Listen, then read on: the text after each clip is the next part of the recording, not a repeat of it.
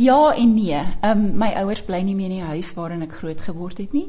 So ek het nie meer my slaapkamer nie. Hulle bly in in die huidige huis waar ons is al 12 jaar. So dis lank, maar dit gee jou ook 'n idee hoe lank ek al in Amerika bly. Trouwens, ek bly nou langer in Amerika as wat ek ooit in Suid-Afrika gebly het. Is jy ernstig? Ja.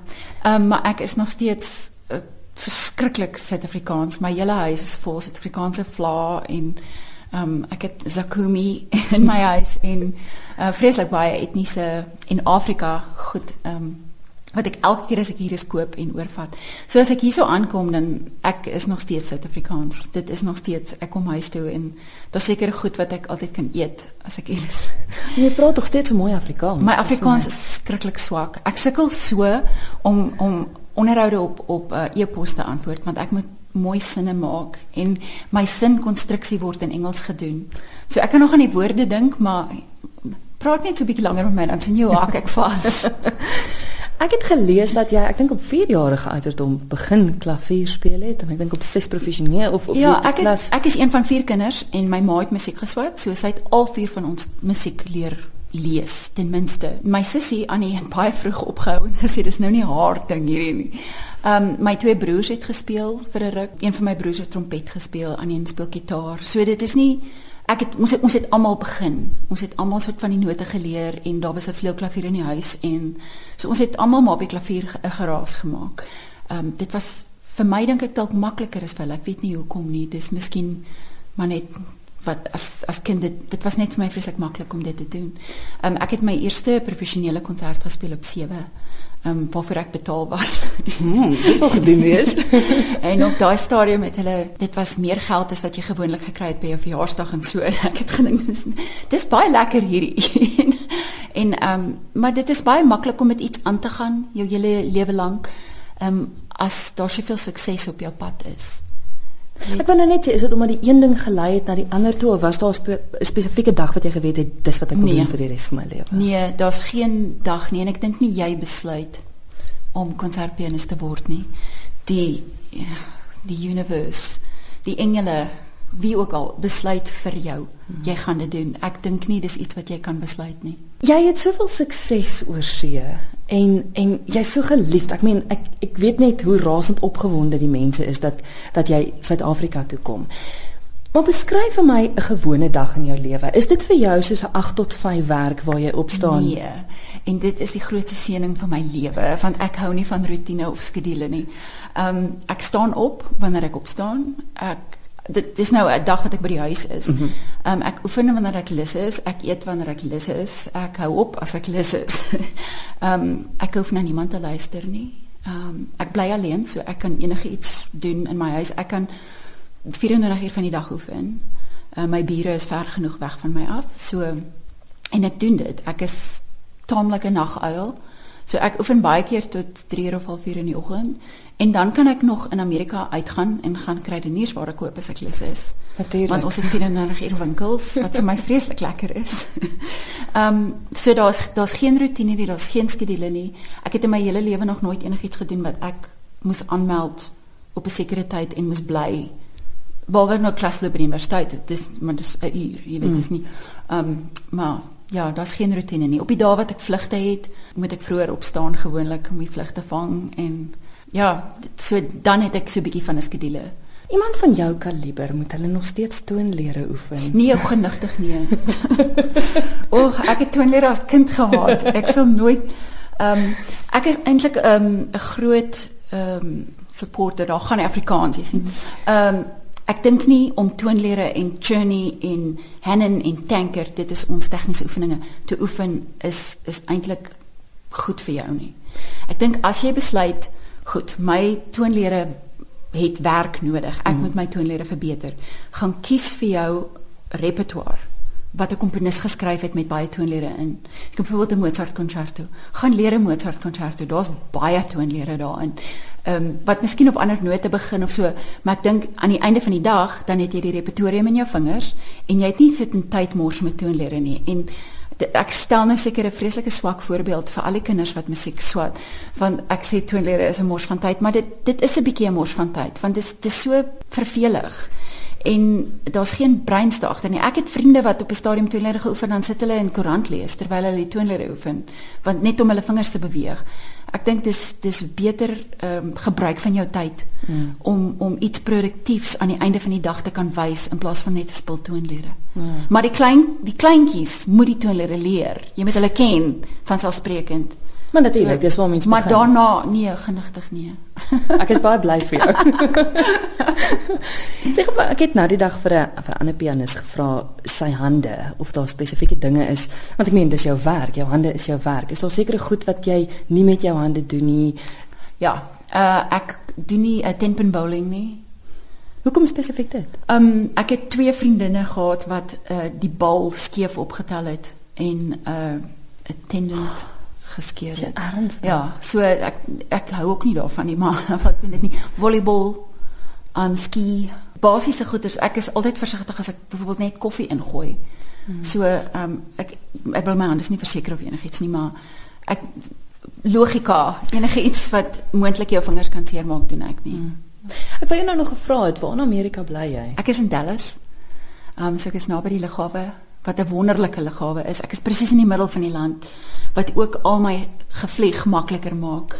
Jy weet, dis 2 ure ooskus toe, 2.5 2.5 3 ure weskus toe. So dit is gerieflik in die middel vir my ja. om daar te wees. Um dit word nie so koud nie. Ek is nie 'n groot um um ek ek is nie lief vir sneeu nie. Ek hou nie van koud kry nie. Um as ek as ek gaan na na sneeu gedeeltes toe dan, jy weet vir 4 dae kan ek dit hanteer, maar daarna ek kry so koud, ek raak net eenvoudig in 'n slegte by. ek het 'n kollega wat wat self 'n musikant is en en sy het gesê ek moet vir jou vra, sy droom van musiek, veral nou as sy die volgende dag 'n uitvoering het of so, droom sy van musiek, spesifiek dit wat sy moet speel. Droom jy? Nee, glad nie. nee, as ek weggaan by die klavier is ek klaar. Um, ek ek doen baie werk weg van die klavier af, soos met opnames mm. of um, met die, met boeke um, of ek gaan lees oor die agtergrond van die musiek of ek kyk na die cinema 'n orkes volle uh, partituur. Mm -hmm. Maar um, nee. Nee, as ek gaan slaap, gaan slaap ek. Ek het gelees dat jy al 3 keer genomineer is vir 'n Grammy. En ek wil hê ons moet 'n bietjie praat oor oor die CD's. Dis Transfigured, ek dink Bach, Mozart, Beethoven en Tchaikovsky wat nou 2012. Ja. Vertel van my 'n bietjie die konsep agter die Transfigured. Ehm um, of hier eerlike waarheid te sê, iemand by die uh, CD maatskappy het die het die titel gekies vir die eerste ehm um, opname vir Transfigured Bach, want dit was transkripsies mm -hmm. en toe die uh, platemaatskappy vir my sê goed, wat gaan jy vir jou tweede opname maak? Toe om een van die rede Transfigured Mozart net na vore gekom en so ek is nou besig met 'n met die series en ek doen die vyfde een Transfigured Brahms word volgende jaar opgeneem. Ek vermy die transkripsies van Liszt, uh, Bezoni, Godowski en Rachmaninov. Dit is so bekend, almal speel daardie transkripsies. So ek gaan in argiewe in. Ek soek transkripsies van die voorste pianiste van die 20ste eeu. Is eintlik waarna ek soek. Transkripsies was vir 'n groot gedeelte van die 20ste eeu uit die mode uit. Ek wil gou weer vra, ekskuus, wat is transkripsies? Ek het nooit musiek gehad nie. So. Ja, dit is 'n uh, in in my geval dit is musiek wat nie oorspronklik vir klavier geskryf is nie. Ah, so dis byvoorbeeld vir orkes geskryf of vir 'n koor of vir vir 'n strykwartet en die pianiste van die 20ste eeu het hierdie stukke gevat en dit verwerk vir solo klavier. Omdat transkripsies uit die mode was vir so lank het hulle dit hier en daar gespeel, miskien as 'n toegif of miskien in 'n huiskonsert, maar nie noodwendig opgeneem nie en um, ook nie in hulle groot konserte gewoonlik gespeel nie. So ek het hierdie goed uit die argiewe gaan uithaal. Ehm um, van van die stukke het die uh, hierdie pianiste nooit self neergeskryf nie, so ander mense het dit neergeskryf uit die opnames uit. En dis 'n groot soektog in my lewe, heeltyd. Wat almal weet ek soek transkripsies en ek kry uh, goed op e-pos, ek kry goed in die pos wat mense vir my stuur en sê ons het hierdie goed ontdek. Weet nie of jy wil hê nie. Hier is vir jou. En um, ek het al wonderlike goed gekry van vreemdelinge af wat dit vir my stuur. Ehm um, want mense weet ek is besig met hierdie met hierdie reeks opnames en hulle weet as dit goed is en tussen ek tussen my en die die repertoire um, konsultant van die maatskappy en ons almal besluit is 'n goeie stelwerke, dan sal ek dit opneem. Wel jy's nou te sien hier in Suid-Afrika, kan ek aanneem dat dit deel van die program uitmaak van die van die transkripsies. Hoe waarna gaan luisteraars kan uitsien nou hier in um, Suid-Afrika? Die eerste helfte van my program, vir my solo program, eintlik speel ek standaardwerke. Ek speel Haydn, Sonata en Schumann. En dan in die tweede helfte speel ek transkripsies. Ja. Kom ons praat gou 'n bietjie oor oor die toerplan want jy ja, jy's letterlik elke dag omtrent amper in 'n ander plek. Vertel gou vir die luisteraars presies waar jy oral te sien gaan wees. Ek begin die 25ste Julie in Bloemfontein. Ehm um, die 27ste is ek in Johannesburg. Uh 2 Augustus in Pretoria, 4 Augustus in Kaapstad, 8 Augustus in Kaapstad en dan die 11 Augustus in Oudtshoorn. By die Klein Karoo. By die Klein Karoo. Waar ek vreeslik uitsien want ek gaan koop altyd vol strys. Goed. ek het 'n nuwe handsak nodig. en dan gaan jy Tansanië toe dink. En dan gaan ek Tansanië toe vir drie konserte. Ehm um, ek doen een van die konserte waarna ek feeslik uitsien is ehm um, vir studente en hulle moet vooraf ehm um, hulle vra, hulle het 'n question and answer session en hulle moet vooraf die vrae deurstuur wat dan goedgekeur word en so ons gaan elkeen gaan hulle vrae kan vra vir my. So ek geniet dit om met die kinders te werk partykeer. Jy het al soveel bereik in die lewe. Wat 'n groot droom het jy nog? Om aan te hou om nog elke oggend op te staan en te gaan oefen. Vang dit partykeer woeste motivering. Ja, ja daar's daar's party daar as jy as jy byvoorbeeld van 'n 'n lang um, lang toer vanaf terugkom om soort van weer in gang te kom.